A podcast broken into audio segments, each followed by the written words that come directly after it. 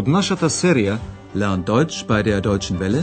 Учете германски со Deutsche Welle, чујте ја серијата Deutsch, warum nicht?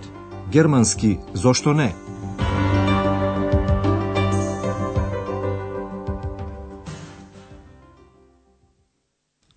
Драги слушателки и слушатели, денес ќе слушнете денесетата лекција од серијата 3 со наслов Таа истураше грашок, Sie streute Erbsen. Во минатата лекција, една жена комплицирано резервираше соба во хотелот Европа. Слушнете уште еднаш еден дел од телефонскиот разговор и внимавајте на модалните глаголи. Was kann ich für Sie tun? Also, mein Mann hat gesagt, ich soll Sie anrufen. Wir wollen auch nach Aachen kommen und da möchte ich gern ein Zimmer vorbestellen. Äh, wir kommen mit zwei Kindern. Können die bei uns im Zimmer schlafen? Денес не се наоѓаме во хотелот Европа, туку ќе продолжиме со една друга приказна. Ке ја придружуваме екс на незиното тајно место. Како што се сеќавате, екс, женскиот коболт, исчезна. Таа сега ги посетува Хайнцел Ментјен, кои се исто така коболди кои живеат во пештерата на карпата Лорелај. Сега, значи, ќе слушнете една фиктивна приказна. Екс стои дека е Андреас преку книгата во која е напишана легендата за Хайнцел Менчен. Но таа по секоја цена сакаше да ги посети за да дознае зошто тие веќе не работат за луѓето како порано. И Екс на вистина ќе сретне еден од тие коволди. Слушнете го сега поздравувањето помеѓу нив твајцата и концентрирајте се на прашањето. Што ја интересира екс најмногу? Hallo, Heinzelmännchen. Da bin ich wieder. So eine Überraschung. Wo kommst du denn her? Ich bin jetzt bei den Menschen. Hm, du meinst bei einem Menschen. Ja, woher weißt du das? Oh, das ist mein Geheimnis. Was macht ihr denn jetzt? Sag mal, möchtest du ein Interview? Bist du jetzt auch Journalistin? Nein, aber bitte, erzähl mir, warum helft ihr den Menschen nicht mehr? Was ist damals passiert? Екс најмногу ја интересира зошто Хайнцел Ментјен не им помагаат повеќе на луѓето. Таа сака да знае што точно се случило тогаш – Слушнете го уште еднаш поточно почетокот на разговорот. Кога Екс ќе му проговори на едното Хайнцел Ментјен, тоа ќе биде многу изненадено што повторно ја гледа Екс и вели. Какво изненадување? Hallo, Heinzelmännchen. Da bin ich wieder. So eine Überraschung. На прашањето од каде доаѓа Екс, вели: Јас сега сум кај луѓето. Ich bin jetzt bei den Menschen. Хайнцелменчен го прецизира исказот на Екс и вели дека таа сега се наоѓа кај еден човек. Екс е изненадена дека тоа тој го знае, Но таа нема да дознае од каде тој го знае тоа, бидејќи е негова тајна, Geheimnis. Du meinst bei einem Menschen? Ja, woher weißt du das? Oh, das ist mein Geheimnis. Ек сака да знае што прават сега, јест Хайнцелменчен. Но Коболдот се шали и со тоа мисли на Андреас, бидејќи ја прашува Екс дали и таа сега е новинарка и дали сака интервју. Was macht ihr denn jetzt? Sag mal, möchtest du ein Interview? Bist du jetzt auch Journalistin? Екс го одрекува тоа и повторно го прашува за она, што неа највеќе ја интересира. Зошто не им помагате повеќе на луѓето? Што се случи тогаш? Warum helft ihr den Menschen nicht mehr? Was ist damals passiert? И Хайнцел Менчен раскажува што тогаш се случило. Жената на кројачот, Шнајда, кому тогаш му помагале Хайнцел Менчен, била многу љубопитна. Таа по секоја цена сакала да знае кој навечер ја вршил работата на незиниот маж. Затоа таа истурила грашок, еапсен, на скалите, трепе, од незината куќа. Од тој грашок се сопнале Хайнцел Менчен. Оваа приказна се случило многу одамна. Затоа се раскажува во претерит. Знакот за претерит е те, кој се додава на основата на глаголот. Слушнете два примери со глаголите шие, нeen и сопнува, штолпан. Најпрвин ќе го слушнете глаголот во презенс, а потоа во претерит. Wir nähen. Wir nähten. Wir stolpern. Wir stolperten. Но сега слушнете ја приказната која ја раскажува Хайнцел Менчен. Слушајте едноставно.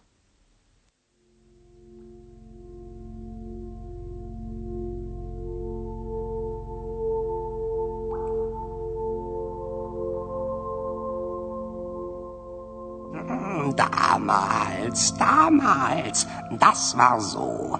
Wir arbeiteten für die Menschen, auch für den Schneider. Wir nähten die Kleider für ihn, aber seine Frau, die war sehr neugierig. Wie ich? Ja, wie du, aber sie war auch sehr böse.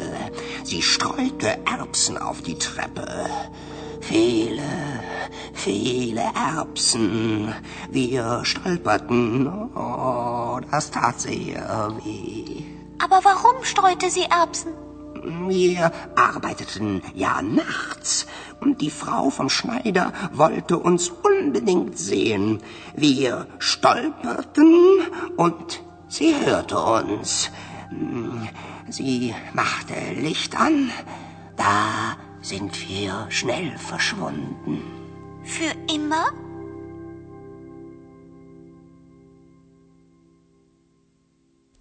Сега слушнете ја приказната уште еднаш поточно. Хайнцел Менхен се сеќава на одамна поминатото време, тогаш, тамалс, кога тие работеле за луѓето, меѓу кои и за кројачот. Damals, damals, das war so. Wir arbeiteten für die Menschen, auch für den Schneider. За него тие ја шиеле облегата. Wir nähten die Kleider für ihn. Но жената на кројачот не беше само љубопитна, како екс, туку и лоша. Бöse. Aber seine Frau, die war sehr neugierig. Wie ich? Ja, wie du, aber sie war auch sehr böse. Хайнцел Менхен раскажува. Таа истори грашок на скалите. Многу, многу грашок. Sie streute Erbsen auf die Treppe. Viele, viele Erbsen. А малите коболди се сопна од тој грашок. Ние се сопнавме и тоа многу болеше. Wir stolperten. Oh, das tat sehr weh. Екс сака да знае зошто жената на кројачот истори грашок. Aber warum streute sie Erbsen? Причината е многу едноставна. Хайнцел Менхен работеа ноќе, нахц, кога никој не можел да ги види. Но жената на кројачот го сакала тоа по секоја цена. Unbedingt. Wir arbeiteten ja nachts und die Frau vom Schneider wollte uns unbedingt sehen. Таа си измислила еден план кој делумно и се исполнил. Коболдите се сопнале од грашокот, жената ги слушнала и го запалила светлото, за да може конечно да ги види. Wir stolperten und sie hörte uns. Sie machte Licht an. Но таа не можеше да ги види Хайнцел Менчен, бидејќи тие многу брго исчезнаа. Da sind wir schnell verschwunden. А сега и ние ќе исчезнеме од оваа приказна и ќе ви ги објасниме правилните глаголи во претерит.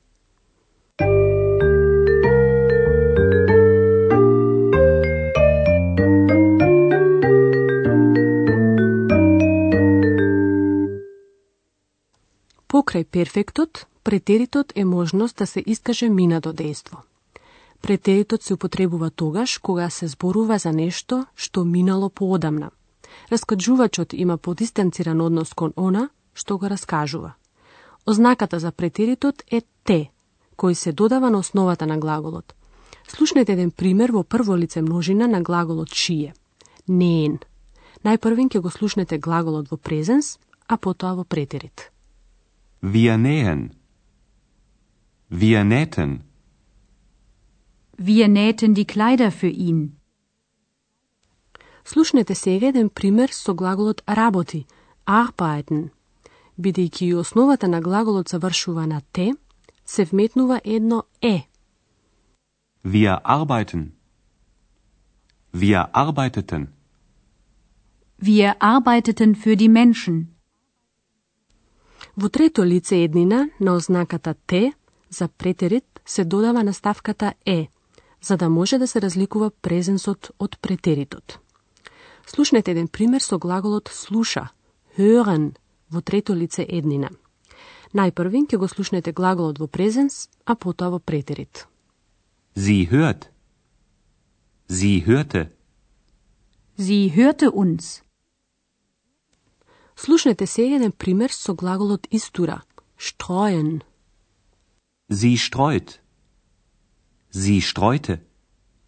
Sie streute Erbsen auf die Treppe. И модалните глаголи кои образуваат претеритот со додавање на те на основата на глаголот. Слушнете еден пример со модалниот глагол сака, волен, во трето лице еднина. Најпрвин ќе го слушнете глаголот во инфинитив, а потоа во претерит. Wollen. Sie wollte.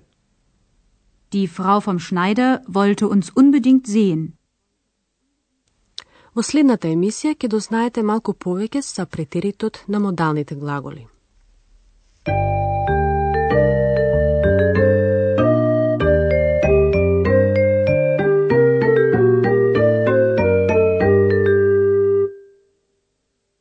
Слушнете ја сега уште еднаш приказната.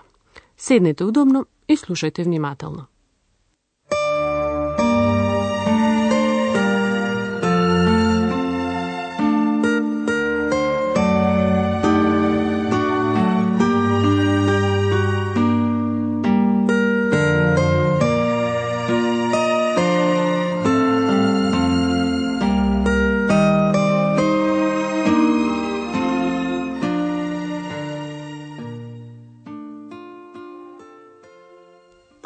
Heinzelmännchen je ne iznenadeno, što je gleda X.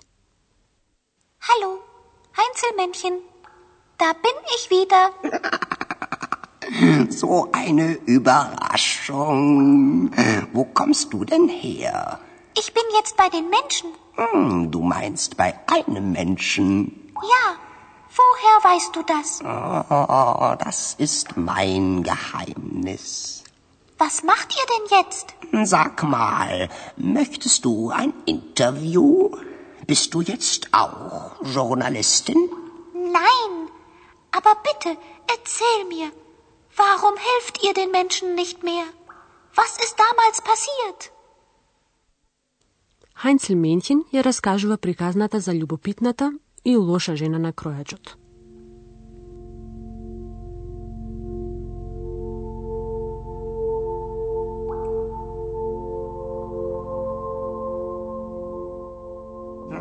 Damals, damals, das war so.